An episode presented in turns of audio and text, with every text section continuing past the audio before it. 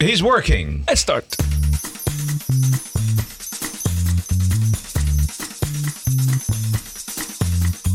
This is the TPO podcast. Ranting and Reason. With Bert Brusson and Roderick Phalo.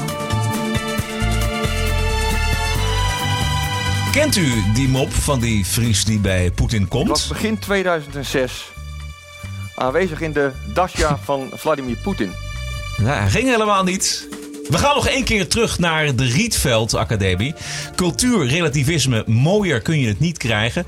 Het front tegen Baudet en de draai van Anne Fleur Dekker. Allemaal in aflevering nummer 53. This is the TPO podcast. Wat een ongelofelijke dag. Zo. Dan denk je dat je de podcast een beetje op orde hebt. Eh, maandagavond, 12 februari. Maar dan gebeurt er van alles en nog wat. Kom, weet je het gewoon zo'n Dacia is? Dat is zo'n buitenhuis, toch? Dit is een mooi buitenhuis. ik was ook een Dacia. Gewoon, een beetje, het klinkt ook gewoon mooi dan buitenhuis. Dat is echt typisch Russisch. Alleen al zoals het klinkt, weet je dat, het gewoon, eh, Beter is. dat er een stoombad in zit. En dat je gewoon de hele dag daar zonder shirt eh, loop je daar rond. Precies.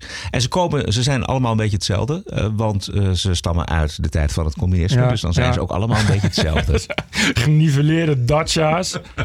Geweldig. Ik denk dan altijd aan een Dacia aan de Zwarte Zee of aan Ja. de Oostzee. Met een mooi uitzicht. Nee, maar en dan eh, weet je, bij een min 3 gaat Poetin gewoon elke dag naakt zwemmen. Zo is Poetin, begrijp je? Ja. Daarna gaat hij gewoon een beer jagen en dan gaat hij weer terug naar zijn Dacia. En dan inderdaad samen met eh, allemaal van die Matrushka-vrouwen. Die komen dan uit elkaar. Die kunnen dan ook uit elkaar schroeven. En dan wordt, die wordt dan steeds kleiner. Eh, en die, eh, dat is ook zo'n vrouwtje met zo'n takkenbos. Die komt dan elke dag aanwandelen. Kronen, die is dan 156. En dan gaat hij s'avonds heel veel wodka drinken. En dan vertellen over Groot-Rusland. Precies. En dan, Want- maar dan, zie, dan zie je niet, uh, Zelstra zie ik daar niet tussen in zijn blote bast. Nee. Beetje, beetje met min drie het water in, niet echt. en toch hebben we dat heel lang eh, geloofd dat hij daar wel bij was. Nou, Maar- ik niet, maar anderen wel. Ah, doe niet zo stoer. Vanmorgen. Ik geloof al sinds 2006 niks meer van de VVD. Oké, nou goed. Terecht blijkt maar weer. Het was een, het was, daar moet dan wel nog bewijs voor komen. En dat kwam er, want de Volkskrant kwam vanmorgen met een fantastisch verhaal... dat eh, het allemaal niet waar was wat eh Halbe Zijlstra op een eh, partijbijeenkomst van de VVD ooit gezegd heeft.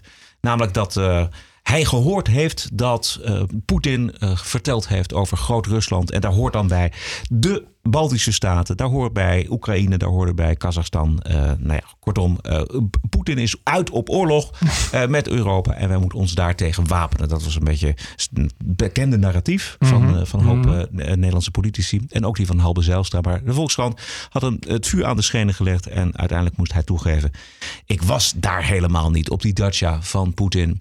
En het was iemand anders. En ik deed dat. Ik heb mijn uitspraken gedaan op dat VVD-congres om mijn bron te beschermen. Ja. Weet je wat ook zo ik nu te denken? Eh, we hadden laatst die eh, Rian van Rijbroek in Nieuwsuur, die meesterhacker, die bleek geen meesterhacker te zijn. Ja. Toen heeft de Telegraaf heeft daar opgezocht. Toen had ze een heel spannend verhaal dat ze eigenlijk een soort superspion is. Die bezig is met een, eh, een in het kabinet of in de Kamer geïnfiltreerde rust ontmaskeren. Ik denk, dat is natuurlijk, dat is natuurlijk Zelstra. Zelstra speelt nu natuurlijk een hele geniepige dubbelrol voor de FSB. Die probeert nu als daarom, ja, daarom is het ook nepnieuws. Die probeert nu op Russische wijze door het verspreiden van nepnieuws het hele kabinet uit elkaar te spelen. ja. Had je dat nog niet bedacht? Dat Nee, dat denken we nu zo hier te plekken. Ja. Dat kan dus best wel Ja, dat kan heel goed. Dat kan heel goed. Ik vroeg me tegelijkertijd af, ook Bert, hoe het komt dat iemand op zo'n groot congres voor het oog van de camera, eh, voor het oog van de natie dus, eh, zo kan liegen. Wat, wat- Serieus? wat- Vraag je dat echt af? ja, dat vraag ik me toch. Gast. Kijk, laten is we... een VVD-politicus. Ah, wacht even. Eh, we hebben politici liegen over het algemeen. we doen, we doen, Wat we ongelooflijk eh, verontwaardigd over de leugens van Trump. Weet je wel, die worden allemaal bijgehouden. Erik Moutan doet een keurig streepje elke keer als hij weer een leugen, hem op een leugen betrapt. Samen met eh, de New York Times en de Nee, Washington Post. Erik Mouta zet gewoon elke keer met een mesje een, een kerfje in zijn been. Ja, waarschijnlijk, waarschijnlijk. Maar goed, maar laten we wel wezen. Alle politici liegen. Ja? Want anders kun je namelijk nooit aan de macht komen. Ja, dat, dat wou ik zeggen. Precies. Dus eh eh, Zijlstra eh, heeft ook gelogen. En nou zijn er mensen die zeggen... we vinden het geweldig dat hij dat doet. Niet liegen, maar eh, bekennen dat hij liegt. En we vinden het eigenlijk wel heel erg knap dat hij dat doet. Dat Ja, ik vind het- ja. uit, eh, uit, uit de coalitie is dat. Het is onvoorstelbaar. Ik, maar wat mij echt verbaast, uh, weet je, uh, het is gewoon nooit. Dat is, dat, is, dat is de hele tijd zo in Nederland. Het wordt steeds erger en het is steeds ook de hele tijd geen ophef. Of wel ophef, maar dat is dan op social media. Geen opstand en woede. Volgens mij zijn er uh, mindere staten en uh, republieken waarbij het volk toch iets sneller de straat op gaat. Dit is echt, ik vind het gewoon heel ernstig. Maar jij verwacht een revolutie? Nou ja, revolutie. Je hoeft toch niet meteen, eh, je hoeft niet meteen de guillotines. Eh, of, of wel, doe maar wel. Maar je hoeft niet meteen. Eh, weet je. Maar is gewoon nooit helemaal niks. Gewoon nop. We hebben in Nederland ook geen, geen tabloids. Hè. Ik bedoel, in Groot-Brittannië en, en andere landen heb je nog in elk geval dat. Ja. Dat, weet je, dat, dat wordt toch keihard gewoon op de voorpagina wordt, wordt je met naam en toename en foto keihard kapot gemaakt. Is ook niet. We hebben alleen geen stijl die, dat dan doet. Maar het is gewoon, gewoon die stilte. Weet je, dat kan echt. Het, het is in, in no time is het, is het ja, wel erg geworden. We hebben bijvoorbeeld in Amsterdam uh, liquidaties gehad. Waarbij ook verschillende onschuldigen worden doodgeschoten. Door, door mannetjes met Kalashnikovs. Dat is onlangs gewoon een. Wat, die jongen was 17 of zo. Ja. Die dan ook door, door gewoon per ongeluk wordt doodgeschoten. Het is gewoon niks. Er is ook niemand dat, dat, dat mensen dan echt woest de straat op gaan. Of dan echt. echt, Nee. echt dat, dat, dat het daar echt zes themadagen bij de NPO zijn. Niets. Is dat, dat je denkt van. Het kan gewoon eeuwig doorgaan. Nu heb je gewoon een, een liegende politicus die is gewoon zo. Oh ja, ik heb gelogen. Oké, doei. Kan me niet schelen. Ik blijf gewoon wel. En dat ook. De eerste reacties waren ook van ja, nou ja. Die reactie van Pechtold ook. Die dan ook zei ja. Ja, dat is misschien onhandig. Maar ik moet de eerste Rus nog zien die eh, na het liegen zichzelf verbetert. Alle Russen, dus niet alleen, dus niet alleen Poetin of Kremlin. Nee, gewoon echt alle Russen zijn allemaal leugenaars. Dat kun je gewoon zeggen, zonder dat ook iemand, ook, ook niemand van de media, geen journalist zegt... Nou, nou, nou, wat bedoelt hij daar dan mee, meneer Pechtold? Kunt u niet een keer antwoorden, meneer Pechtold? Zo doen ze het wel bij Thierry Baudet, maar nu is het Pechtold, eh, oké. Dat, is, dat is de reactie ook in Nederland, oh, oké. Het was vanmorgen natuurlijk eh, damage control, met name vanuit de coalitie en vooral ook eh, vanuit de premier Dat natuurlijk. is dus ook inderdaad niet goed. Hij heeft het ook zelf erkend dat het echt onverstandig is om de indruk te wekken dat je bij een bijeenkomst bent waar je niet was. Is hij dan nog wel geloofwaardig? Ja, omdat de inhoud van het verhaal staat. Eh, maar hij had natuurlijk niet moeten zeggen dat hij ergens was waar hij niet was. Het is helemaal bedacht om hem nou, binnenboord te houden. Dat was eigenlijk het idee. Ik, heb, ik, ik bedenk laatst, zij vroeg me laatst eh, dat er was wat uit je huis verdwenen. En toen zei nog van, eh, heb jij dat meegenomen? Toen zei ik van, nee, heb ik niet meegenomen. Ik zou eerlijk toegeven, dat, dat, daar heb ik over gelogen. Maar ik vind wel dat ik nu nog geloofwaardig ben. Want, want ik had het mee kunnen nemen. Of ik had het ook niet mee kunnen nemen. Ik heb een keer gelogen, Kijk, maar... zo, eh, zo, zo werkt het in een, in, in, in een vriendschap, maar zo werkt het natuurlijk niet in de politiek, Bert. Oh, oké. Begrijp je wel. Dan kun je gewoon en dus, liegen. dus daar is zo ongelooflijk veel op het spel. Onder andere het hele nepnieuws-offensief van minister Ollongren. Ja, maar hij heeft daar zelf van gezegd, ik had het zo niet moeten doen. Nee, maar hij deed het wel. Ja, maar dat is enige tijd geleden. Hij heeft zelf gezegd, zo had ik het niet moeten doen. Oh, hij heeft het zelf gezegd.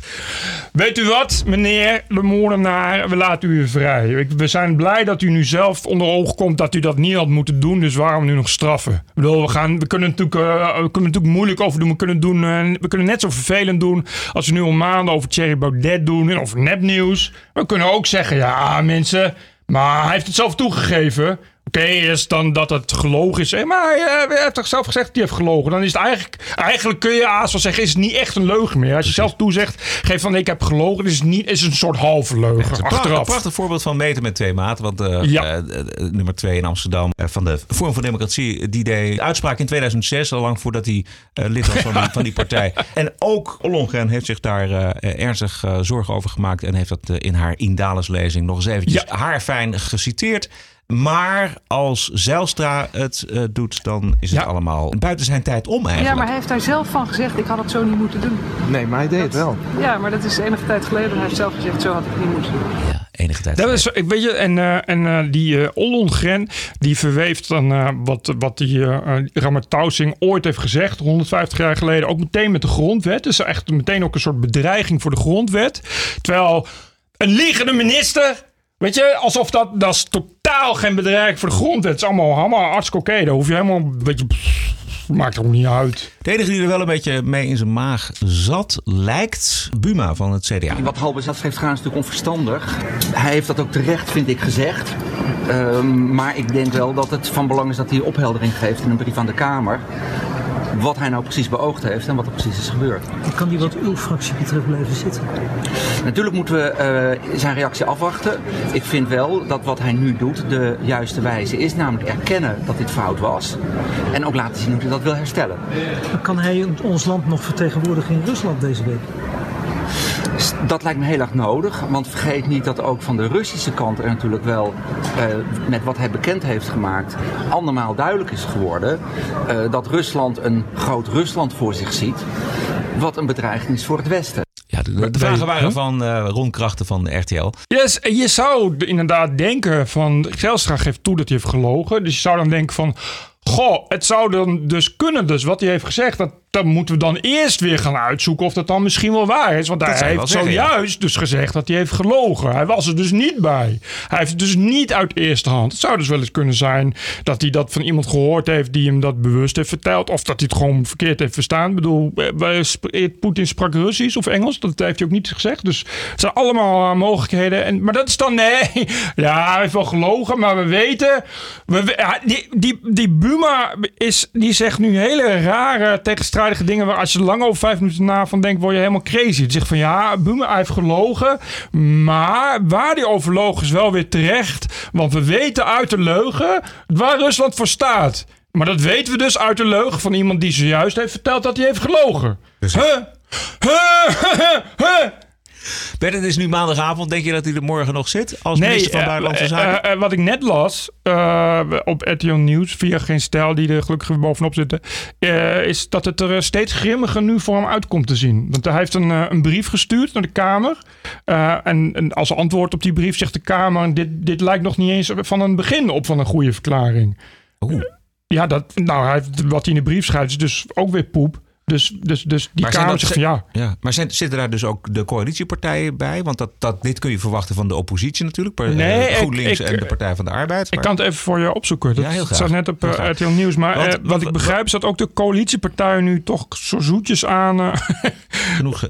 toch ja. niet zo heel... Het lastige, ik denk dat, we hebben ook gehoord aan de reacties die we net hebben gehoord. eh, Van onder andere van Rutte ja. en van Buma. Dat er werd ingeschat dat het in Nederland nog wel binnen de perken zou eh, gehouden kunnen worden. Maar eh, dit is de minister van Buitenlandse Zaken. En die moet zijn geloofwaardigheid met name Ah. ook in het buitenland eh, handhaven. Ja, en wat we vandaag dus hebben niet. gezien natuurlijk, is dat de hele wereld eh, dit publiceert. Alle kranten, buitenlandse kranten hebben hierover gepubliceerd. Zowel in Rusland als in Ja. Amerika. Dus ja, zijn geloofwaardigheid mondiaal staat op het spel. Ik kon eh, het Kremlin hier horen lachen vandaag. Ik bedoel, ik snap ook niet, dan ga je naar eh, Poetin. Hé, hey, Poetin, ja, je kent me wel. Ik was toen niet in je Dacia. En, eh, Ja, ja, dan moet, dan hij dus vandaag, Sorry, morgen, maar- moet hij daarheen. Ja, maar ik zou even Ja. Eh, nu ook twijfelen over inhoud Poetin-verhaal. Lees. Zijlstra. Nee, Zijlstra komt dieper in de problemen. Hij heeft niet alleen gelogen over zijn bezoek aan Poetin. Er is nu ook twijfel over de inhoud van zijn verhaal. Volgens ingewijden heeft Zijlstra zijn bron helemaal niet letterlijk geciteerd, maar daar een eigen interpretatie aan gegeven. Ja, eh, en eh, nou, hij, daar, hij, zij heeft nu gezegd van ja, ik wil, mijn bron is eh, Jeroen van der Veer, die wil ik beschermen. Oh En ja, en- heeft hij gezegd. ja, en, maar die Jeroen, die Jeroen van de Veer zegt... Ik weet niet waar je het over hebt, gast. Ga, ga weg. En... ja, en, want nee, ja, eh, die ingewijde zegt tegen RTL Nieuws dat Van de Veer dat helemaal nooit zo letterlijk heeft gezegd. Dit is heel grappig. Volgens Van de, Geer, van de Veer, Jeroen van de Veer, ging het om een historische verhandeling over Groot-Rusland. Waar Zijlstra vervolgens een eigen interpretatie aan heeft gegeven. Oftewel, ja, ik heb via vier gehoord dat Poetin het had over de geschiedenis van Groot-Rusland. Nou, dat zal hij dan nu wel weer willen. Dat is een, dat, weet je, hij heeft helemaal geen, dit was niet eens Maar een dit- aanknopingspunt. Dit is interessant. Dus Van der Veer werd, wordt eh, erbij gehaald als de bron. Dat vindt Ja. Van der Veer niet fijn. Van der Veer zegt tegelijkertijd... ja, maar Poetin had het over de geschiedenis... en niet over de Precies. toekomst van Rusland. En wat zegt, wat zegt Zijlstra hier dan van? Nou, nee, ja, Nog niks. d- nog niks. En die heeft het dus nu allemaal in een brief geschreven. En nu zegt dus de Kamer, dus ook coalitiegenoten, van ja, dit is niet al te best, Zelstra. Het wordt nu wel een beetje, een beetje, een beetje raar. Een beetje sneu. Want Zijlstra heeft eerst gezegd dat hij vanmorgen heeft gezegd dat hij gelogen heeft. Ja, ik heb gelogen. Nu, nu heeft hij dan weer niet gelogen. Nee, wel. Hij, Oh ja, wel gelogen. Kijk, nee, hij, hij was er niet bij. Hij zei, ja, ik heb gelogen, maar wat ik heb gezegd is verder van A tot Z waar. Alleen iemand anders vertelde me dat en die was er wel bij. Dus, dus de inhoud staat en nu blijkt ineens Dat die inhoud ook helemaal, nogal, helemaal niet waar hoeft te zijn. Dat hij daar een beetje. En omdat hij dus nu ook heeft gezegd van ja, dat- is. Iedereen zei van ja, dat is natuurlijk die Jeroen van de Veer. En die van de Veer die zegt van ja, hé, wacht eens even. Ik heb jou dat nooit verteld. Ik heb jou alleen verteld dat ik in een dacha zat met Poetin. En dat Poetin verder een historische verhandeling hield over Groot-Rusland. Iets wat de Russen sowieso graag doen. Maar niet dat hij zei: Ik wil, eh, ik, ik wil eh, die en die, die manier uitbreiden. Dus ik wil, hij zei alleen van wat Groot-Rusland was. Maar eh, even terug naar de waarheid. Dan zou het zo zijn dat Van der Veer daarbij was. En die heeft dan het eh, gehad tegenover Zijlstra over een historische verhandeling. Ja. En Zijlstra dacht van nou, dat kan ik misschien mooi gebruiken ook als een toekomstvisie. Juist. Die Poetin heeft. eh, Die Zijlstra die heeft natuurlijk gedacht, weet je wat? Dan zeg ik gewoon dat mijn bron anoniem is. Of ik zeg dan uiteindelijk dat ik er zelf bij zat. Ja, En dan zeg ik, want het, dat past dan in mijn verhaal. En maar, maar het is natuurlijk ook een pas verhaal. Dat is wat iedereen al, al langer roept van. Dit, zijn, dit is wat Rusland wil. En dat is niet zo heel raar, want dat willen ze al eeuwen. Dit is, dit is natuurlijk het oude verhaal van Groot-Rusland. Het is natuurlijk het sentiment onder, onder mensen als Poetin is natuurlijk dat. Wat dus niet hetzelfde is dat, om te zeggen dat hij dat ook wil gaan bereiken. Volgens mij, ik weet het niet, maar volgens mij is Poetin inderdaad een stuk realistischer. Weet je, dat is meer een reaal politicus die zegt... het is allemaal leuk, dat Groot-Rusland... maar ik, ik, ik heb afspraken met de NAVO die ze vervolgens niet nakomen. Dus dan word ik daar wel een beetje Ja. boos om. Ja. Maar niet dat ik daar inderdaad eh, zin heb om, eh, om, om meteen de hele gebieden eh, te veroveren... als, als ik het de risken ben. nee, maar als het precies. Maar als het verhaal van Van der Veer klopt, dan heeft Zijlstra dus bewust oorlog hitsige taal geuit op dat VVD. Als het zo is ehm, dat eh, Zijlstra de bron die hij wilde beschermen, die hij zegt, dat is de reden, hè, de bron die zegt dat hij heeft gelogen. Hij zei, want ik wilde die bron die betrouwbaar is, wil ik beschermen. Als het zo is dat die bron inderdaad van de veer is, dan hebben we nu dus ook een ontkennende bron. En dan heeft dus zelfs helemaal geen verhaal over, anders dan dat hij gewoon echt alles uit zijn duim heeft gezogen. Oké, het, is, het is nu 11 minuten over 9 op maandagavond. Eh, eh, wij weten, wij houden het erbij natuurlijk. Over 24 uur kan het hier behoorlijk anders zijn in Nederland. Ja, ja, ja. En stel, laten we daar eventjes op speculeren, eh, Bert. Ehm, wie komen er dan in aanmerking om de nieuwe minister van Buitenlandse Zaken te zijn, VVD? voorlopig die, die, die Kaag, die Sigrid Kaag, die wordt interim. Zou kunnen. Nee, dat, Oh, die wordt sowieso interim, Dat ja, is sowieso de. Ja. de invallen dan. Maar wie wordt, wie wordt de nieuwe? ja, ze hebben niet zoveel. Ik, ik denk, ik, Ik dacht zelf Hennis. Ja, of, en Hand en Broeken. Hand en Broeken zit Oh ja, ik ook hoog op de lijst. Hans en Broek is een hele goeie. Ook, ook, qua, dat zijn, ook qua buitenlandse zaken heeft hij natuurlijk het, meeste, het beste pakket. Ja, die maakt nog wel meer kansen dan, dan Hennis, denk ik. Ja, ik zou Hennis, ik weet niet of ze die wel weer zo snel weer in willen zetten. Ik weet niet of je daar eh, alle leden blij mee maakt. Het is natuurlijk een ledenpartij, dus die moeten dan... eh, Ja. Daar moet over gestemd worden, denk ik. ja, dat zal toch, ja, dat zal toch nou wel als je Hennis erin zit. Ik denk, dan moet je toch gewoon een congres organiseren om te zeggen van ja, wat gaan we doen? Wie gaan we, wie gaan we, gaan we nu Hennis nu ineens weer Ja, eh, dan wordt het hand broeken, maken? denk ik. Ja. Nou, Ja, die, ze hebben dat, eh, ik weet niet wie er verder nog is, maar niet, eh, het is, het is eh, behoorlijk uitgedund. TPO Podcast. Ik hoop niet dat ik al te seksistisch klink, want eh, er zijn deze week twee vrouwen geweest waar ik eh, toch echt blij van werd. Dat is eh, Kate van, van Kirak, daar hebben we het zo meteen over. En de linkse activiste Anne Fleur Dekker. En zij had een paar aardverschuivende tweets. Even wat anders. Ik ben bevriend met een paar FVD'ers en VVD'ers en D66'ers. En ik ben er zo klaar mee dat ik dat niet zou mogen of over zou mogen vertellen. Ik wil niet meer sectarisch door het leven gaan en alleen maar met heel, heel linkse mensen mogen omgaan zonder veroordeling. Vorm voor Democratie is geen fascistische partij.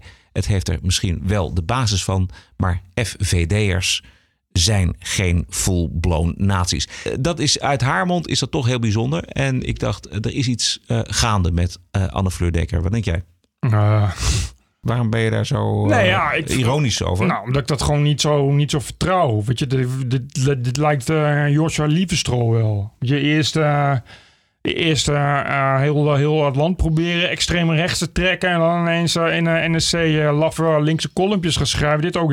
Gaat, dit, dit, dit, die chick die heeft, ik wel wat, wat gezegd over FVD. En wel naar Hamburg gaan om daar extreem links te demonstreren. En, en bij je Pauw vertellen dat je moet onderduiken. Omdat al die gemene mensen van geen stijl je bedreigen. En nu ineens, oh nee, ik ben van de andere kant. Er zijn andere voorbeelden van. Onder andere Cassie J. Zij is de vrouw die die de, de Red Pill gemaakt heeft. Dat is die documentaire. En zij was ook een hele eh, fanatieke eh, feministe. Ja. En zij is door het maken van die documentaire is zij veranderd. eh, eh, nogal veranderd. En heeft zij een ander inzicht gekregen. Laten we even luisteren naar eh, Cassie J. In October 2016, the film was released in theaters, and articles and critic reviews started to roll in.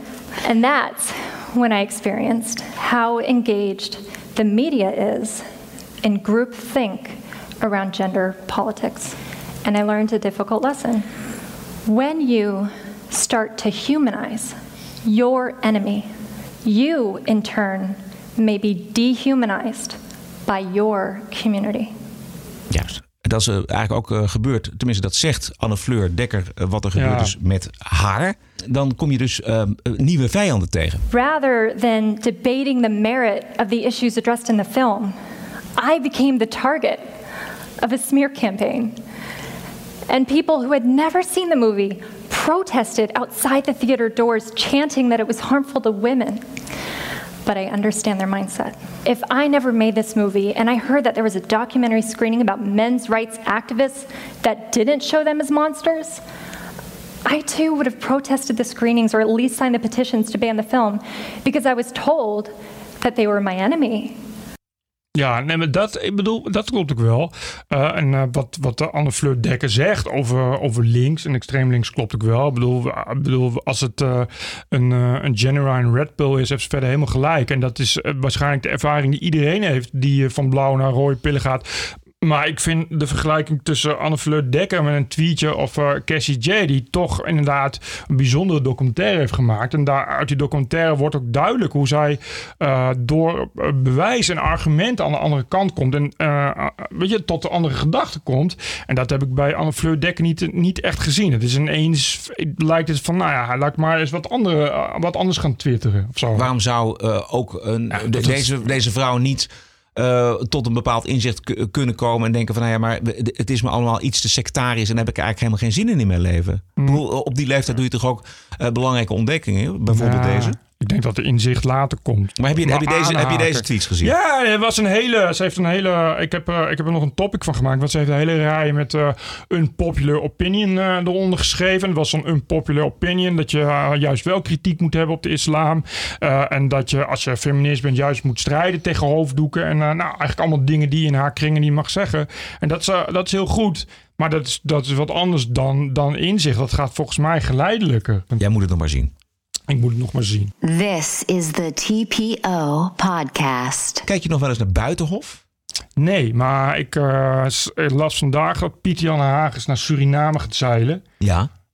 En hij krijgt, een, hij krijgt een nieuwe opvolger. Ja, en dat Jort Kelder dat gaat doen. Wat toch eh, een fijne eh verrechts, verrechtsisering van eh, het immer extreem linkse PvdA Buitenhof is. Want die Marcia Luiten, wat echt, echt een soort, soort PvdA, een soort PvdA eh, eh, epigoon van hier tot Tokio, die is ook weg bij... eh, Nou, nog niet. Die was ja, afgelopen zondag ook- was het er. En toen had ze aan tafel eh, de heer Brenning Meijer. En dat is een eh, voormalige ombudsman in Nederland. En die had toch een paar verstandige dingen te zeggen over de pers en de politiek in Nederland. Mijn grootste bezorgdheid is de versmelting van, van media en het politieke. eh, waardoor de kritische functie van de media neemt af. En de politiek, die voelt ook niet meer die prikkel van de media. Dit is goddomme grappig, zeg. Dat je dat dan uitgerekend bij Buitenhof en Marcia Luiten. Wat zeg maar een beetje de, de verpersoonlijking is van het samensmelten van politiek en Ja. media. Een Ja. goede hemel. Ja, het was, het was wat dat betreft een geweldige quote was dat. Eh, maar hij meende het serieus en eh, hij werd ook serieus genomen. En het kwam wel aan, want het, het ging behoorlijk hard, eh, deze quote, eh, via de social media. En hij heeft natuurlijk gelijk, eh, Bert. Ja, hij heeft helemaal volkomen Hij heeft. 100% heeft hij gelijk. gelijk. Ja. Dat is, maar dat vond ik dus mm, altijd een reden om geen buitenhof te kijken. Het is, af en toe was het gaapverwekkend p- politiek ideologisch. Dat kwam dus ook door de presentatoren. Maar als nou die Luiten eh, weg is en, eh en eh Jort Kelder Haags vervangt, dan kan het nog wel eens wat worden. Ja. Ja, Jort ja. Kelder is daar in elk geval vrij goed in. Om daar niet, om daar niet eh, eh, eh, om daar die politiek nog op buiten te houden. Ja. Dat is ook niet zo'n hele oude, oude verzuurde, oude mediale man. Wat dat Nee, betreft. nee, wat dat betreft kan het een eh, nieuwe impuls worden. Maar eh, ja. het mooie van de- deze quote van eh Brenninkmeijer is natuurlijk dat wat we in Duitsland natuurlijk heel erg gezien Mhm, hebben mhm. tussen eh, Merkel, de welkomstpolitiek met, met vluchtelingen en, en asielzoekers en de pers die daar alleen maar lof over heeft en eh, sentiment in de bevolking volledig genegeerd heeft. Maar dat zien we in Nederland natuurlijk ook. Denk ik niet zo unaniem als in Duitsland, maar in Nederland Eens, zeker wel. eens. Ik, kijk, in Duitsland is het eh, inderdaad was het veel georganiseerder. Ook echt eh, nou, bijna vanuit de regering hè, georganiseerd. Dat is ook een heel andere perscultuur. Weet ik toevallig van Wie Duk die daar wel eens over vertelde. De, als je bijvoorbeeld eh, in Duitsland, dan word je uitgenodigd Ja. als journalist om naar een, een bijeenkomst met Merkel te gaan. En dan moet je vooraf een vraag, vragen indienen. En dan mag, je, ja, dan mag je drie vragen stellen. Weet je, weet, je, weet je dat? En als de vragen niet bevallen, dan mag ze ook niet stellen. Dan hoef je ook niet te komen. Dus het is natuurlijk veel. Eh, eh, sowieso al was het al een andere cultuur. Dus, en dat is inderdaad, was dat ook georganiseerd. Dat hebben we natuurlijk gezien met, met de grote vluchtelingencrisis. Hoe daar die media zich daar eensgezind opsort. En Nederland. eh, is Hebben het- we goede voorbeelden van- in Nederland daarvan? nou, Trouw en Parool zijn natuurlijk Ja. wel echt, echt, echt kranten waar dat wel echt heel diep zit en heel diep gaat. NRC Handelsblad misschien ook? Ja, ik vind de NSC vind ik moeilijk. Ik heb bij NSC eh, eh, het idee dat het zo'n beetje maar net is wat dan toevallig eh, eh, eh, zo bevalt. Weet je, je hebt nu die, kijk, die, die van der Meers, die heeft gewoon gedacht, ik ga dat zo doen. Ik ga dat aan, de, aan het soort van, ja, ja hoe zeg je dat? Een soort van antipopulistische pro, Ja, dat- dat is het- pro-EU dat is het kant. vooral. Ja. En dat ga, als je dat, ga ik zoveel mogelijk uitmelken. En dan heb ik, creëer je een niche. Dat heeft natuurlijk vrij goed gedaan. Maar ik heb wel eens het idee dat daar... die, ja, de, ik, er zit inderdaad... Voor een groot gedeelte zit daar een redactie... Die, die wel echt, echt met die bloedrood zijn. Waar ook inderdaad, ja, Hans Molf daar natuurlijk een uitgebreid Ja. werk over geschreven. Hè? Dat is per definitie anti-Israël en per Precies. definitie links. En anti... anti eh, Maar ze hebben, maar ze hebben, toch hebben ze ook ont, onthullingsjournalistiek. ja, nee, ja, maar er zitten dus ook een paar lui. Dan lees je stukken en denk Ja. van, oh, Ja, is echt wel, goed. had, je, had, ik niet, Ja. had ik nou niet echt in, in NSC verwacht. Dus, maar het is natuurlijk wel eh, duidelijk een koers die ze varen. Maar dat vind ik wat anders. Dat, ik heb bij die, die van de Meers, denk ik heel erg, echt, ja, dat is echt marketing, denk ik. Ik, ga een niche creëren voor ons soort mensen. En dat, dat werkt natuurlijk goed. Terwijl, ik vind het bij de Volkskrant, dat, dat is dus veel moeilijker. Daar, en daar, wat je daar ziet, en dat, dat is, zie je dus bij, bij, bij meer media in Nederland, dat daar, ja, die, het zit soms heel diep bij die journalisten. Dat is het grote probleem. Die kunnen gewoon niet. Dat, dat lukt ze gewoon niet om daar die politieke ideologie eh, uit weg te laten. En dus, dit is niet echt een opzet, maar dit is gewoon hun eigen persoonlijke overtuiging. Nou ja, ge- nee, het is niet. Ik, eh, echt, de Volkskrant bijvoorbeeld. Kijk, die, die Philippe Remarque is natuurlijk helemaal niet. Dat is niet per se een hele linkse Nee, jongen. die die, niet. die Nee. komt van de Telegraaf oorspronkelijk. En die is, eh, nou ja, qua, qua. Als je vergelijkt met Pieter Broertjes, is het nou niet echt een linkse ideoloog. Daar kun je hem niet van beschuldigen. Maar ja, wel. Je, je trekt een soort journalist aan. Dat zijn ofwel eh, hele oude, inderdaad oude mediale journalisten. Die hebben ook toch nog eigenlijk een PvdA-lidmaatschap. Of het zijn dus, en dat zie je heel veel bij de, bij de Volkskrant is dat probleem, van die, van die jonge millennials. En die zijn ja, niet links, maar dat is allemaal, allemaal per definitie anti-PVV, anti-FVD. Eh, ja, het is bijna tot aan het social justice warrior-achtige aan toe. En dat is, dat is gewoon heel hinderlijk. Dat is een, echt een hinderlijk moralisme wat ze daar de hele tijd doorheen verweven. Ja, het is maar onder- maar dat zit wel, eh, vind ik. Het zit echt, als je vraagt van ja, ehm, eh, hoe komt dat? Het zit heel erg in het DNA van Nederlandse journalisten. Het is heel erg, ja, dat heeft Duitsland natuurlijk ook. Het is allemaal heel erg prekerig. Ja. En ja, het, het, het, het komt natuurlijk allemaal een beetje weg van de diepe christelijke normen en waarden. Dus sprekerig eh, en volgzaam, inderdaad. Je moet de, de- weet je, de, de macht moet je ook niet te veel wantrouwen. Ja, dat, dat, is, dat is nooit zo anders geweest. Maar wa- waar Brenninkmeijer volgens mij ook hier op doelt, is dat er een, een, een consensus is, eh, zowel in de politiek, hè, van we moeten het midden houden voor pro-Europa, Ja. et cetera. Ja. Eh, maakt ook niet uit welke weg je precies bewandelt, maar dat de pers daar te, te dicht op zit. Ja, heel erg. Ja. Ja, heel erg. Ja. Dat, is, kijk, dat, is, dat zie je dus nu bij het nepnieuwsverhaal van Ollengren. Ja, er, je worden niet echt kritische vragen gesteld. Omdat ze ook vinden, ja, maar ja, dat is misschien ook wel goed. Weet je, dat dus. Ja, We- we- ja. Het is misschien, de, die, de- ze stellen alleen kritische vragen als echt, weet je, zoals nu. Ja, Zijlstra liegt. Ja, dan ga je niet, dat, dan ga je niet zeggen, dat is oké. maar de koers die die gevestigde partijen, die, die grote partijen, eh, eh, grote democratische partijen van het kartel, zou ik maar zeggen, voert. Dat is een koers die wij ja, willen versterken. En nou, je ziet bijvoorbeeld heel erg, uh, uh, dat is natuurlijk waar, waar, ik mijn niche uit kan maken, dat ze bewust dingen niet opschrijven of laten liggen of niet kritisch bevragen. Om, ja. Nou, dat willen we liever niet, omdat we, je wil het volk, wil je een bepaald beeld voor ogen laten houden. En dat is ook de koers die we met z'n allen moeten varen. Dat is dus ja. het idee. En dat is, zijn inderdaad politici, maar goed, dat lijkt me, lijkt me voor de hand liggen. En uh, heel veel journalisten doen er ook aan mee. En ik, soms is dat ook wel onbewust, vrees ik. Dat is, dat is wel ook wat gewoon in de uh, Nederlandse journalistencultuur. Een hoop journalisten vinden gewoon dat dat gewoon heel belangrijk is. Het is toch, Nederlandse journalisten, een groot gedeelte is toch, zijn toch idealisten die zeggen: ja, ik hoop dat ik door mijn journalistiek de wereld een stukje beter kan maken. Ja, dat heeft plus, consequenties. Plus dat er volgens mij ook speelt dat het, zeg maar, de oppositie is natuurlijk het populisme. Ja. Dat is ja. PVV ja. en, en, en Forum voor Democratie. En daar krijg je journalisten helemaal niet voor. Nee, maar daar krijg je dus als je te kritisch bent, dan geef je uh, zuurstof aan dat populisme. En dat willen we liever niet. Dus laat dan maar zitten. Ja, we hebben natuurlijk, uh, ik en geen stijl, of TPO geen stijl, we hebben het natuurlijk heel erg gezien bij de, bij de uh, stationsplein diabetescrasher destijds. nou, daar heeft NSC, was daar heel erg pro politiewoordvoerder. Die hebben ook de politiewoordvoerder zes pagina's uitgebreid aan het woord gelaten zonder ook maar één kritische vraag. Ja, wat daarachter zit, zo heb ik daar zo'n beetje nagevraagd wat ik daarvan meekreeg. Van, want ik, ik, werd ook nog geïnterviewd door een NSC-journalist. Van ja, hoe denken jullie op, op het internet dan over? Uh, of of ja, hoe TPO en geen stijl, wat is dat ja. van jullie gedachten? En wat zij toch zeggen is van, nou ja, we willen inderdaad niet, we zijn toch, ja, de staat te veel wantrouwen. Ja, dat, dat, dat, is, dat is de verkeerde, verkeerde toon, dat is de verkeerde richting. Dus ja, je kan, en dat is echt, als je gaat, als je gaat zeggen van ja, ik ga twijfelen aan, aan, aan de politie. Ja, dat is niet, want in een gezonde democratie hoeft niet te twijfelen aan de politie. Want het is een gezonde rechtsstaat en dat is, daar moeten we trots op zijn. Ja, dat moeten we trots zijn in de gezonde rechtsstaat in ere houden. En dat betekent dat als politie, en helemaal, hè, je zit het natuurlijk helemaal bij rechters en, en officieren van justitie. Dan mag je ook geen greintje kritiek op hebben. Ja. Als Wilders doet dat natuurlijk al heel lang.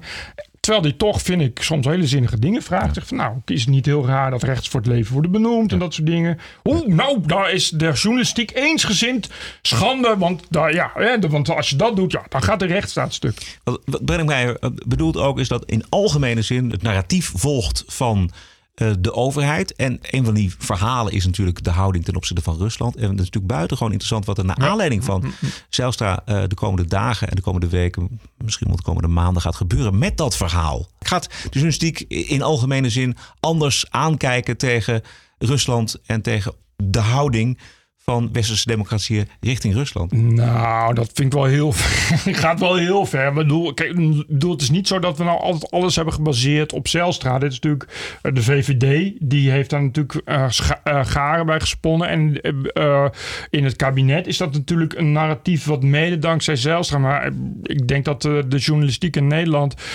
over het algemeen... Weet je, ja, Poetin is natuurlijk al jaren fout. En dan zeg je ook genoeg fout is fout. Bedoel, weet je, dan krijg je... Het blijft toch uh, de trollenfabriek in uh, Sint-Petersburg. Weet je, en dan is dan niet de vraag, ja, nou, wat is dat eigenlijk? Nee, maar er, er, zijn, er zijn natuurlijk zogenaamde Poetin-versteers. Dat zijn mensen die ja. dan, zoals Weerduk bijvoorbeeld, ja. die dan zeggen van ja, je kunt wel tegen zijn dictatuur zijn, et cetera. Maar je moet ook begrijpen dat Rusland een geschiedenis heeft in Europa, et cetera. En daar hebben we te weinig oog voor. Ja, uh, nee, maar dat gaat niet gebeuren. Dat, dat gaat niet gebeuren. Nee, wat, je nu krijgt is dat zegt, nou, oké, okay, we hebben, kijk, hij heeft natuurlijk gelogen. Uh, en dus is, is het misschien best een oké om, eens, om eens te denken van nou misschien valt dat, weet je, met vooral dat, dat oorlogzuchtige, dat, dat gebiedsuitbreiding waar we dan heel bang voor moeten zijn. Goh, weet je, op welke bronnen baseren we dat? Daar krijg je denk ik nog wel echt een goed debat in.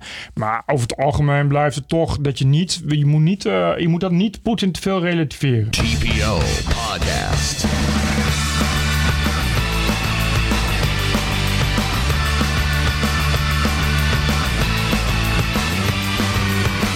And Reason. Oké, Bert. Laten we even kijken naar uh, de crisis bij Forum voor Democratie. Er is daar veel aan de hand. Ze worden van alle kanten beschuldigd uh, van racisme en seksisme. En nog veel uh, andere, meer andere dingen. Daar hebben we het zo meteen over. Maar eerst eventjes over de interne gang van zaken. Er zijn mensen die weglopen of worden gerooieerd. Wat moeten we daarvan denken? Ja, vraag je het aan mij? Ja. Oh, ik dacht dat nu een quote kwam. Uh, maar nee, uh, ja, het is denk ik niet zo heel best. Dat is, het is nooit heel best als je binnen je partij dit soort gezeik hebt. De, dus ik zou, uh, ja, ik, ik, vind het heel moeilijk. Wat, moet ik daarvan, wat ik daarvan denk, vind ik heel moeilijk. Maar wat ik in elk geval van denk, is dat het geen al te frisse tafereelen zijn. En dat dat niet goed overkomt bij de buitenwacht. En dat ben ik. Ja, dat, dat laatste vooral. Uh, er zijn een aantal mensen weggegaan. Frank Ankersmit bijvoorbeeld. Suzanne Teunissen, nummer drie op de lijst. Ik, ik, ik geloof wel dat het heel moeilijk is om een partij die zo hard groeit om die volledig democratisch op te bouwen. Nou, dat, dat, precies. Dat, dat, komt dan wel later. Laten, we het hopen. Het is niet niks, de groei die die partij doormaakt. Nou, kijk, het is natuurlijk wel ook een beetje een politiek nieuwe stijl. Hè? Je, je, je wilt voorkomen dat je inderdaad eeuwen, voor eeuwig weer inderdaad... Uh, straks krijg je weer ledencongressen en moeten mensen opstemmen en briefjes laten zien. Dus het is ook... Het is, het is natuurlijk puur, ja, puur realistische vorm van politiek voeren. Van, van luister, ik ben hier de leider van de beweging. En, en allemaal koppen dicht. Allemaal koppen dicht. We gaan, er, weet je, we gaan er niet te lang over, uh, over, over uh, een soebatten. Aan de andere kant, ja, het, is, het probleem is dat je, ja, op dit moment is het niet echt een handig moment om al je poep zo op straat te gooien. Want iedereen gaat daarvan zeggen van ja, het is niet echt uh, niet zo lekker hè, bij jou daar. Het is niet, uh, Precies. De, de- de twee nadelen daaraan volgens mij is de een dat je, je je echte verhaal niet kwijt kan. Omdat iedereen maar steeds weer begint over dat racisme, et cetera. Mhm. En twee, je geeft natuurlijk munitie op Ja, een heel ongelofelijke veel. manier aan al je tegenstanders. En daar zijn er nogal wat van. D66. Eh, Partij van de Arbeid. GroenLinks, eh, B1, eh, de Socialistische Partij. Ik zat eh, te luisteren naar eh, de podcast van Max van Wezel en Joost Vullings van de NOS. Eh, dat is de podcast voor eh, Met het oog op morgen. En Max van Wezel die had een mooi verhaal van hoe D66 dat bij Wilders gedaan heeft en welke garen er gesponnen zijn. Pechtold heeft mij wel eens verteld wat zijn strategie was. Namelijk, zodra Wilders naar de microfoon liep, liep Pechtold mee. Wetend dat Wilders het 8 uur journaal zou halen. En wie was dan die enige andere politicus die je ook in het 8 uur journaal zag? Alexander Pechtold. Nou, dat heeft ze geen windeieren gelegd. Bij de vorige gemeenteraadsverkiezingen kreeg D66 in Amsterdam bijvoorbeeld heel veel stemmen van Marokkaanse kiezers. die eigenlijk maar twee Nederlandse politici kenden van de tv. Wilders en Pechtold. Als je je kunt afzetten tegen een andere partij, in dit geval Forum voor Democratie, dat dat, dat, dat je- jezelf een kleur geeft. Je hoeft het niet Dat- over, dat- over je eigen eens, verhaal te hebben, eens. niet over, je, hè, over, over, over de punten die jij naar voren wil brengen, maar je zet je gewoon af tegen een partij als je blijft roepen. En dat is nu wat ik zie. eh, eh, andere partijen die zo hard mogelijk eh, roepen dat het Forum voor Democratie racistisch en seksistisch is. En we hebben nu weer vandaag werd het bekend dat eh Sylvana Simons van B1 niet met eh, Annabel Nanninga in debat wilde. eh, omdat ze niet met een racistische partij in debat wil. ja, die heeft het, die, die schaft gewoon gelijk daar ook de, de democratie af. En in Rotterdam is het zo dat D66 nu niet met Leefbaar Rotterdam in een college wil gaan zitten. Omdat Leefbaar Rotterdam zich lieert aan Forum voor Democratie. Het is een en al uitsluiting. Puur bedoeld om je relief te krijgen. Kijk, bij de ge- vorige gemeenteraadsverkiezingen kon D66 dat, zoals Max van Wezel al zegt. eh, die, die, weet je, die, die, die waren niet zo heel groot bij die gemeente. Dus dan kon je inderdaad, daar, door die Pechtold heeft natuurlijk een fatsoens crackdown gedaan van hier tot Tokio. En inderdaad, die zie je dus elke avond zag je die eh, naast Wilders op de camera vertellen eh, hoe schande het is dat je gemene dingen over Marokkanen zegt. Dus gaan die Marokkanen op je stemmen. Maar dit is natuurlijk nu bij D66 niet meer zo. Ik heb heel erg het idee dat die partijen uh, toch een beetje hun hand overspelen. Uh, uh, ja, en het gaat ook alleen maar om Amsterdam. En ik betwijfel of, je daar, uh, of ze daar nou echt heel veel garen bij spinnen. Ehm, misschien GroenLinks wel, want dat is natuurlijk van, van huis uit een activistische partij. Dus je achterban vindt het dan ook niet zo heel raar dat je activistisch bent. Dat is ook de reden waarom, waarom ze op je gaan stemmen. Dus mm, of je daar nou heel veel meer zetels door haalt. Maar D66 weet ik het echt niet. Ik, ik betwijfel of dat nou heel veel oplevert. Alleen omdat Pechtold en, en, uh, en die dipshit die hier in Amsterdam uh, D66 leidt... de hele tijd roept dat het fascisten en racisten zijn. Dat is wel een beetje passé als je al zo groot bent in de gemeenteraad. Wat ik vooral mis is uh, het CDA. Ik mis ja. Diederik, Diederik Boomsma. Had hij nou juist echt in Amsterdam juist wel garen bij kunnen spinnen als het, als het stabiele uh, christelijk verlichte midden. Wat het CDA natuurlijk altijd een goede rol speelt. Ja.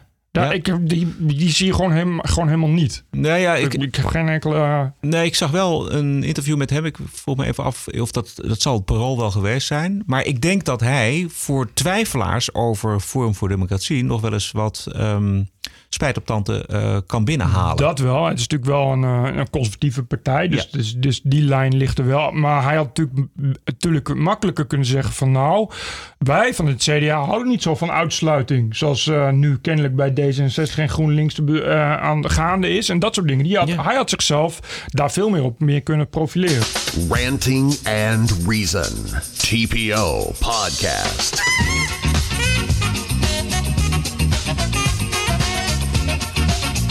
Gaan nog even terug naar vorige week donderdag. Naar de Rietveld Academie. Iedereen is hier. En ook nog boos. Mensen zijn hier ook boos.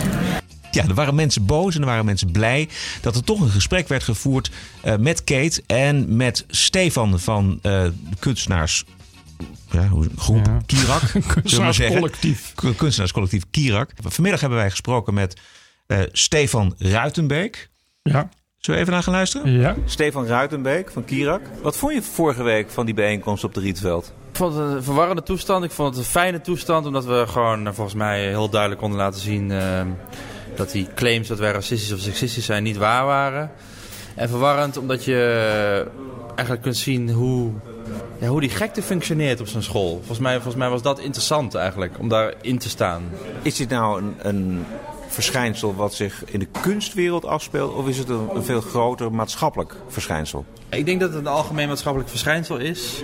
die in de kunstwereld heel veel ruimte krijgt omdat er eigenlijk niks anders is eh, dan het hebben van opinies over dingen. Dus omdat de kunstwereld bij uitstek een vrijblijvende wereld is, zijn mensen heel erg op zoek naar nut, naar eh, goed willen doen, toch als kunstenaar, dus dat je iets bijdraagt aan de samenleving. En daarom slaat die ja, ziekte zi- daar makkelijk om zich heen. Maak je je zorgen over de censuur die nu gaande is in de kunstwereld? Eigenlijk niet, want stel je voor de hele wereld is zometeen gecensureerd. Dan ben ik eigenlijk wel benieuwd naar hoe ik dan in die wereld overleef. Dus ik probeer niet de wereld te redden tegen de censuur. Ik heb eigenlijk geen politieke agenda. Ik wil gewoon naar de wereld proberen te kijken. En als mensen het mij niet langer zullen toestaan om de dingen te zeggen die ik denk, dan zal ik andere methodes moeten vinden om mezelf te uiten. Bijvoorbeeld in verhulde termen of onder gelijkgestemden. Dus ik denk dat er altijd eh, een, manier is om, eh, ja, om kunst te bedrijven eigenlijk. Dat, dat is wat ik bedoel. Zeg maar, kunstenaars in het verleden mochten ook niet alles zeggen. Omdat het bijvoorbeeld niet goed was voor de kerk of voor de koning waar je voor schilderde. Maar die konden ook heel goede kunst maken. Dus ik denk eigenlijk niet dat geen censuur de voorwaarde is voor goede kunst. Gek genoeg. Maar zolang er geen censuur, censuur is, vind ik dat wel een hele prettige omgeving. En zal ik eh, daar ook gebruik van maken. Ja, het is wat dat betreft een echte kunstenaar ook. Ja, hij zegt van, nou ja, als er wel censuur is, dat is eigenlijk een, een mooie extra drijfveer. Dat heeft ook wel een punt, denk ik. Eh, ik denk dat er heel, veel, zeker in het vroege verleden, veel kunst is gemaakt, inderdaad, juist onder druk van Ja. censuur. Dat is natuurlijk ook een beetje, misschien, en dat zegt hij, eh, eh, ja, dat zegt hij aan het begin ook al. Ja, er is zoveel, zoveel ruimte binnen die kunst dat je dat ook heel makkelijk kunt vergiftigen met al die opinies. Terwijl je, eh, kijk, je hebt hier ook, dat is ook, je hebt een oneindige mogelijkheid. En zo'n Rietveld Academie zitten ook duizend studenten, waarvan er eh, misschien 50 serieus talent hebben. Dus die andere 950 moeten ook maar wat doen. Dus dan krijg je echt die tijd en die ruimte om, om ja, dat gif, zoals hij dat noemt, en het is ook gif van dat postmodernistische geleut en dat activisme te verspreiden. Terwijl ja, ja weet je, wat hij zegt, als je, eh, eh, dat je, dat je er echt censuur hebt, dan komt het erop aan dat je een goed kunstenaar bent. Want dan, en dan eh, heb je als kunstenaar ook echt die functie om als een van de weinigen nog door die censuur heen te breken. En, en daar eh, eh, door kunst, dat is natuurlijk uiteindelijk wat goede kunst zou kunnen zijn, hè, door toch een hele bijzondere boodschap aan iedereen te vertellen, zonder dat je dat, je, dat de sensor zou zeggen: Oh ja, maar dit, dit kan niet. Weet je, dat is bijvoorbeeld. eh, daarom is het zo erg als je zo'n gedicht als in Duitsland gaat, gaat overschilderen, omdat het juist. eh, in, in, een paar regels zo krachtig is en zoveel zegt, dat je dus inderdaad letterlijk eh, eh, op een reusachtige wijze van een muur afschreeuwt, omdat het zoveel mensen raakt. En dat, Ja. zou, dat is dan de, de beetje die functie en die essentie van die kunst. En dat is dan inderdaad, eh, nou, binnen, binnen censuur eh, miljoen keer krachtiger dan dat het nu is. Dan dat je in Precies. de oneindige vrijheid. Ja, dat vind ik het mooie van, van dit kunstenaarscollectief Kirak. Dat ze zich eh, verzetten tegen de politieke onzin. Dat hele verhaal eh, rondom het Stedelijk Museum. En de vorige directeur Mhm. van het Stedelijk Museum die weg moest. En die was heel erg politiek geëngageerd. En zij hebben zich afgevraagd, ja, wat telt er nou eigenlijk? De politieke engagement, de huidskleur van iemand, waar de, de, de, de, de genderafkomst van iemand. Of gaat het om het kunstwerk? En zij zijn er daar, vind ik, heel erg goed in. In de filmpjes die je kunt zien via YouTube. Ja. Het eigen kanaal van, eh van Kirak op YouTube. Ze, ze zijn erg goed in, in, eh, eh, ja, in het blootleggen en ook het doorprikken van een enorme hypocrisie. En ook de enorme ja, zinledigheid en zinloosheid die in die kunstwereld heerst. Weet je, dat is een enorme luchtbel. Die, die uit in wezen niet zoveel voorstelt. Gevuld met ego's. Nou ja, maar to- ik, t- er is- is wel een kern die wel wat voorstelt. En daar gaat het om. En daar moet je dan zoeken. Maar ik, ik, ik was net met die Stefan dus in die kroeg. En hij, eh, op terugweg liepen we... Ik weet niet helemaal hoe dat zit, maar hij financiert een, een talentkunstenaar. En hij liet me de beelden zien die die kunstenaar maakt.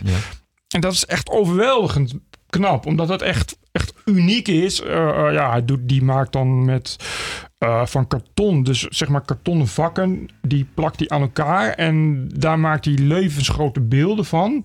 Dus, dus een soort, eh, ja, eh, hoe zeg je dat? Een, een tigzijdige beelden zijn dat. Dat zijn allemaal puntige, puntige hoeken.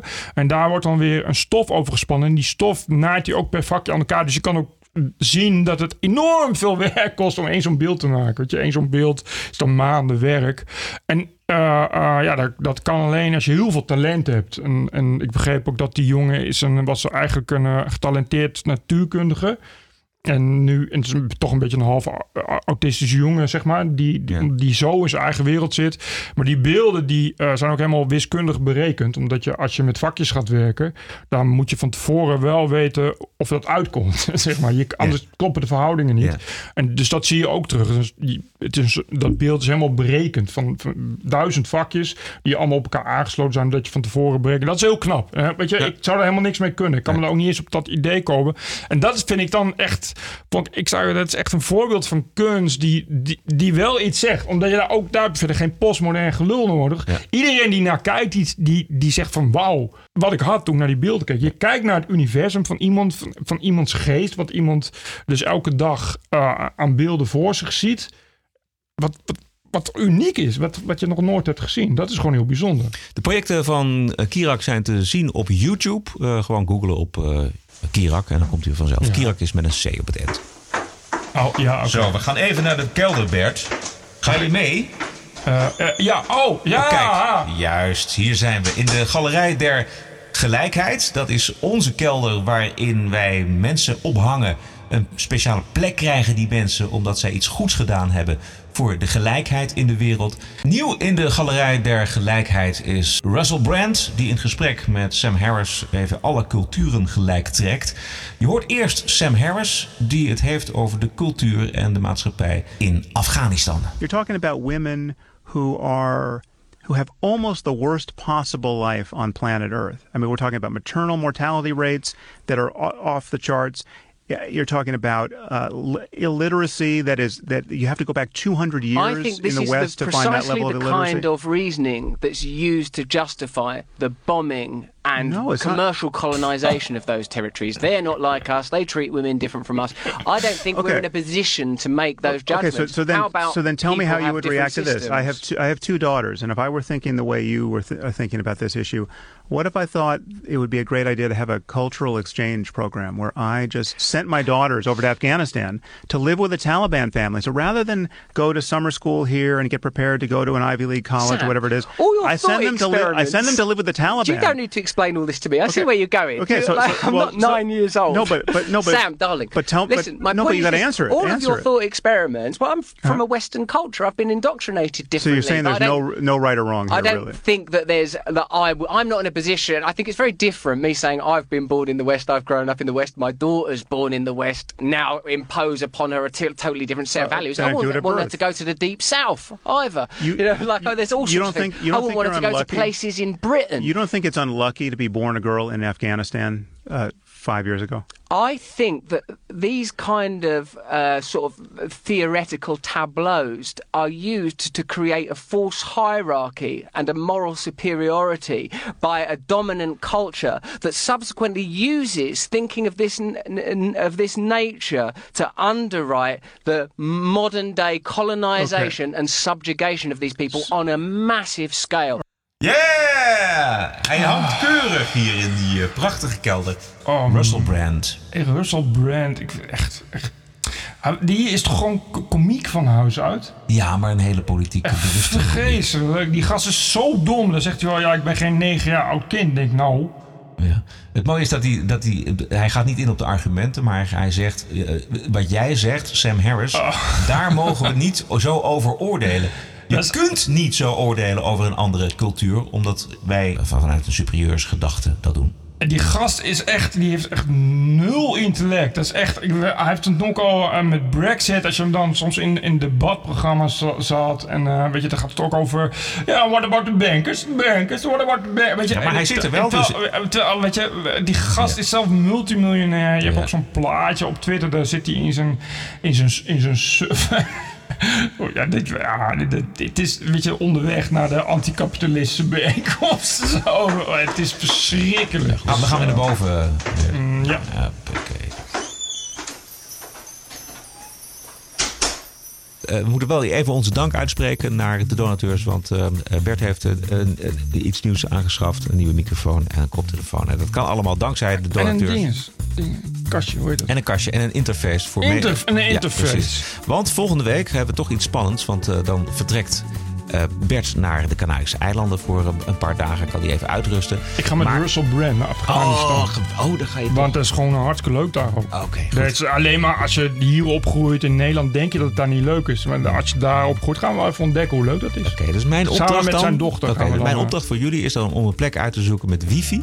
Of al in ieder geval goed, goed internet. In Afghanistan. In Afghanistan. En dan gaan wij eh, we gaan, eh, skypen. Dat is- wordt, wordt onze eerste Skype-uitzending. Ja, maar dat doen eh, Adam Curry en eh, John C. de Vork doen dat ook. John, C. eh, Ja, doen dat ook. Twee keer per Dus week dat-. Dus dat, moet, dat moet kunnen. Dat moet ons ook lukken. Maar het is te- technisch is, is het best spannend. Ja, ik ben maar het gaat gewoon lukken. Nee, dat gaat wel lukken. Oké. Eh, hartelijk dank. Eh, donaties zijn eh, van harte welkom. Alles wat u vindt van deze eh, podcast, als dat waarde voor u heeft, dan kunt u dat omzetten in euro's en dat storten op onze TPO podcast rekening. Ga naar tpo.nl slash podcast en daar ziet u hoe u kunt doneren. Een mooie week en graag tot de volgende. Wij zijn terug op dinsdag 20 februari. Tot dan. TPO Podcast. Bert Bruson, Roderick Balo, Ranting and Reason.